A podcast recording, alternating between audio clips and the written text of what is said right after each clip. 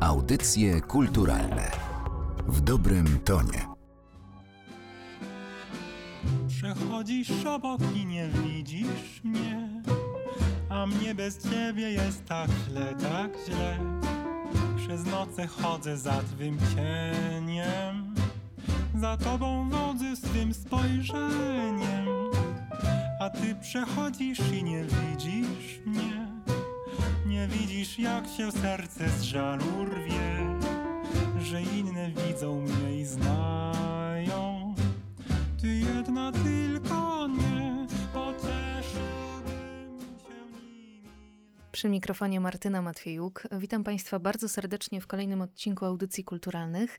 Ze mną jest dziś e, Noam Zylberberg, kierujący Małą Orkiestrą Dancingową. Cześć. Cześć. Właśnie ukazała się Wasza kolejna płyta, wczesny polski pop, na której znalazły się utwory z lat 30. XX wieku.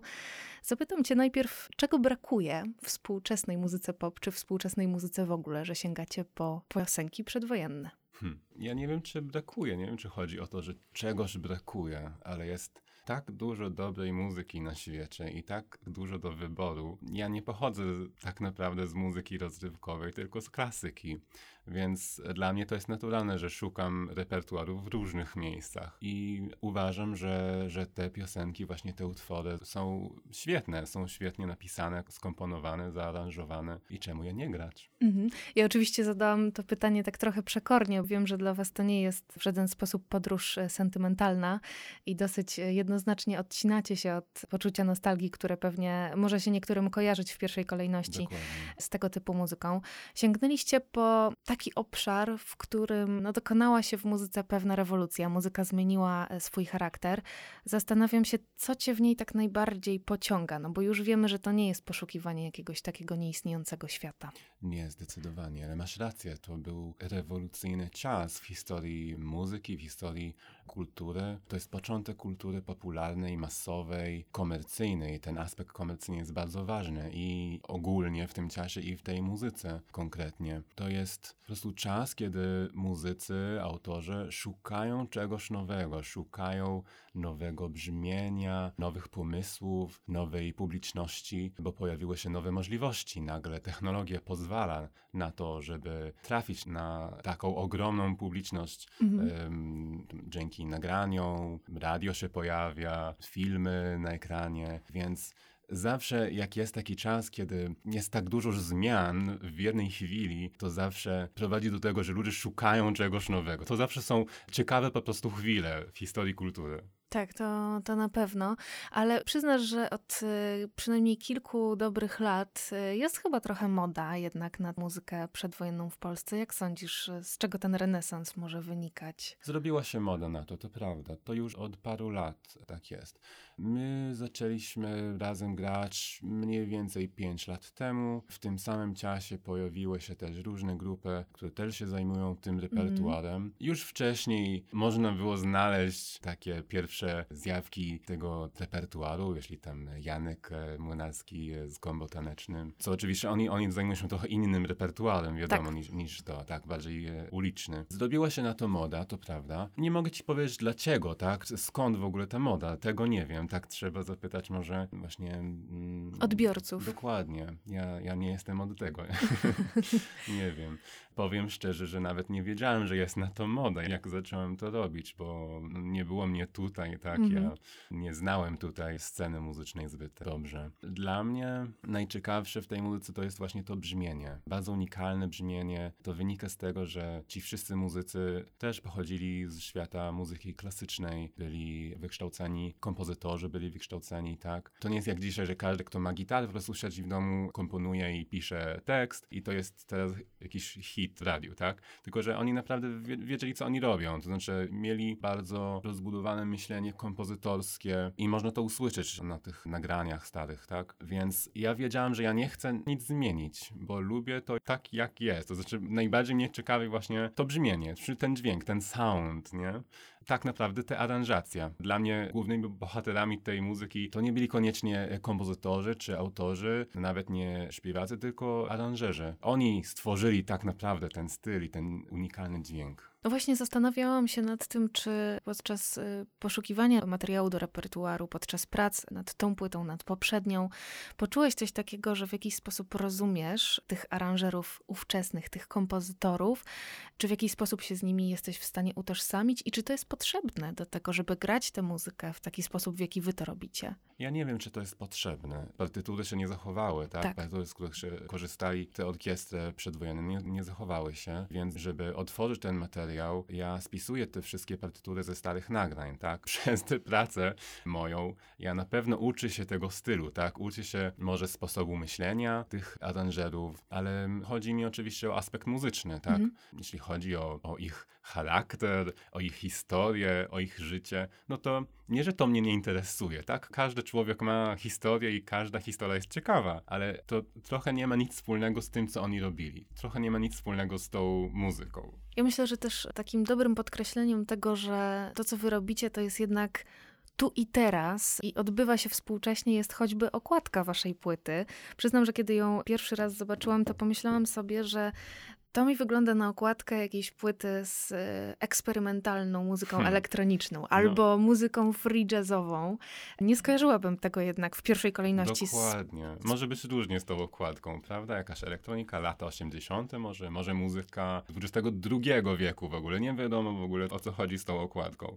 Ale właśnie chcieliśmy pójść e, w tę stronę, nie? To w sumie już od dawna mówimy o tym, ale może się trochę poddaliśmy tym, że wszyscy mówią o tej muzyce w taki sposób i że było może po prostu łatwiej nic nie mówić, ale z czasem ja mogę po prostu w swoim imieniu przy, przynajmniej powiedzieć, ja naprawdę mam trochę dość tych tekstów o starej Warszawie i o gwiazdach kabaretu i o, nie wiem, największych szlagierach i o przeniesieniu się w czasie, bo dla mnie to nie jest ciekawe. Jestem muzykiem, pochodzę z W klasyce, tam, no nie wiem, filharmonii, w operze, grają repertuar, który ma 200 lat, 300 lat, 400 lat. Nikt nie mówi w taki sposób, tak? Nikt nie przebiera się specjalnie w strojach XVIII wieku, żeby chodzić na koncert, gdzie grają Mozarta, prawda? To, przecież prawda. brzmi, brzmi śmiesznie. Gramy to, bo decydujemy jako muzycy, jako społeczność, powiedzmy, że ta muzyka jest warta grania po prostu. Że jest dobra, jest jakoś istotna, ma coś do naszych żyć, więc grajmy ją po prostu, bo jest dobra. Ja myślę dokładnie to samo o tej muzyce.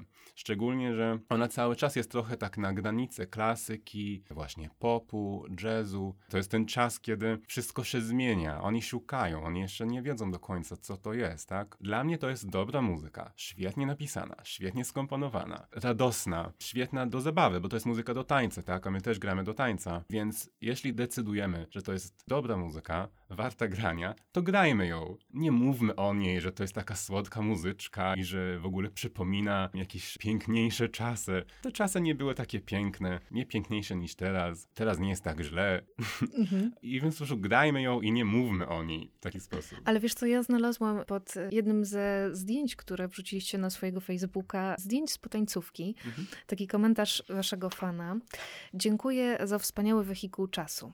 Po waszym występie wyszedłem i ciepła noc niosła mnie przez Wilczą. Gdyby nie zaparkowane samochody, czułbym się jak w, o północy w Paryżu.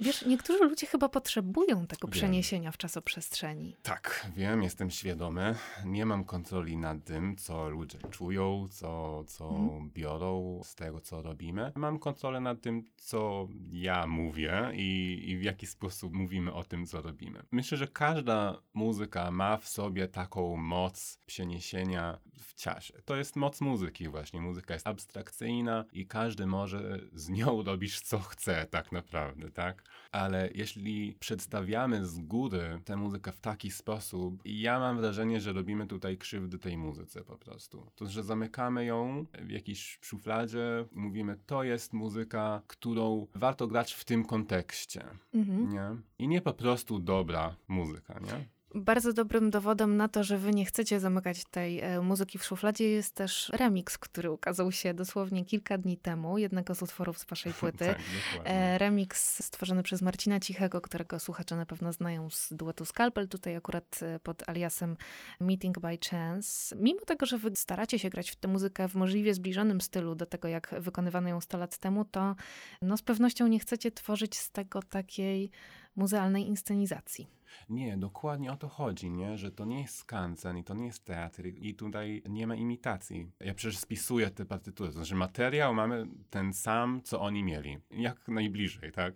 Staram się przynajmniej. W naszych wykonaniach staramy się też mieć świadomość przynajmniej, jakie oni wtedy, muzycy wtedy mieli podejście do dźwięku, do wykonania dźwięku, jakie były konwencje wykonania wtedy i staramy się po prostu pamiętać o tym. Nie gramy jeden do jednego, to jest niemożliwe i też to jest nieciekawe. Mhm. Nie jesteśmy, nie chcemy być kopią, bo jesteśmy innymi ludźmi, żyjemy w innym świecie, nie jest nam to potrzebne. Więc jeśli chodzi o stronę muzyczną, to rzeczywiście staramy się być blisko oryginału, bo takie ja mam podejście, tak samo jak w muzyce klasycznej, powiedzmy. Ale z drugiej strony, na naszych imprezach, i nazywam to imprezy właśnie, nie koncerty, bo gramy do tańca, cała atmosfera jest bardzo współczesna. Nie ma żadnego udawania w tym. Ludzie przychodzą, żeby dobrze się bawić przy dobrej muzyce. I, mhm. i, I koniec. To jest wszystko. My się nie przebieramy specjalnie, wyglądamy, że tak powiem, normalnie. Ludzie, którzy przychodzą, no też wyglądają różnie i przychodzą bardzo różni ludzie z różnych światów. I to jest bardzo fajne, że po prostu wszyscy mogą jakoś być razem w tym miejscu przy dobrej muzyce i dobrze się bawić razem.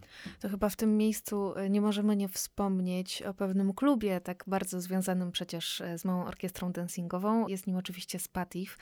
Klub o bardzo bogatej e, tradycji, taki też już ugruntowany, jeżeli chodzi o historię kulturalnego życia Warszawy. I tak sobie pomyślałam, że chyba trudno by było o lepsze połączenie. Spatif i mała orkiestra dancingowa trudno o lepszą współpracę dla waszego zespołu, właśnie jak to miejsce, no bo powiedziałeś sam wcześniej, że w końcu to jest właśnie muzyka, która była tworzona do tego, żeby do niej tańczyć. Mhm. Tak, nasza współpraca ze Spotifem zaczęła się mniej więcej 4 lata temu. Przez przypadek w sumie. Graliśmy tam koncert, tak, no, nie przypadek, ale, ale, ale w sposób taki normalny. Nikt nie wymyślił tego, że teraz będziemy do końca życia razem.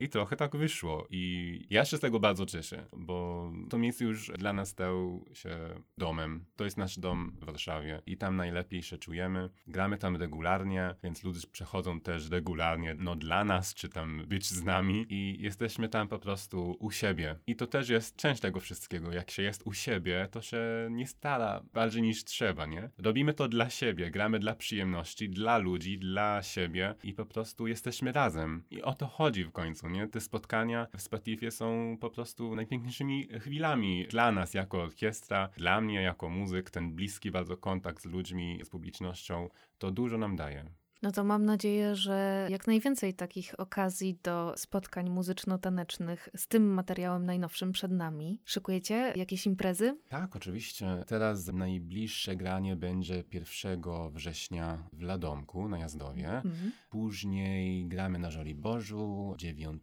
września i dopiero 17 września wracamy do Spatifu, do domu. Wczesny polski pop. E, polecamy Państwa uwadze. Dziś o tym albumie rozmawiałam z Noemem Zilberbergiem, kierującym Małą Orkiestrą Dancingową. Bardzo dziękuję Ci za nasze ja dzisiejsze spotkanie. Dziękuję.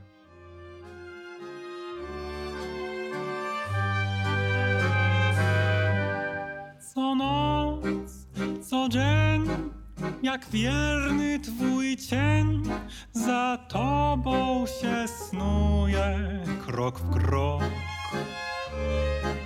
gdzie ty, tam ja, czyś dobra, czy zła, wpatrzony w kuszący twój wzrok.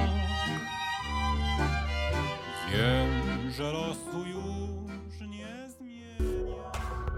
Audycje kulturalne w dobrym tonie.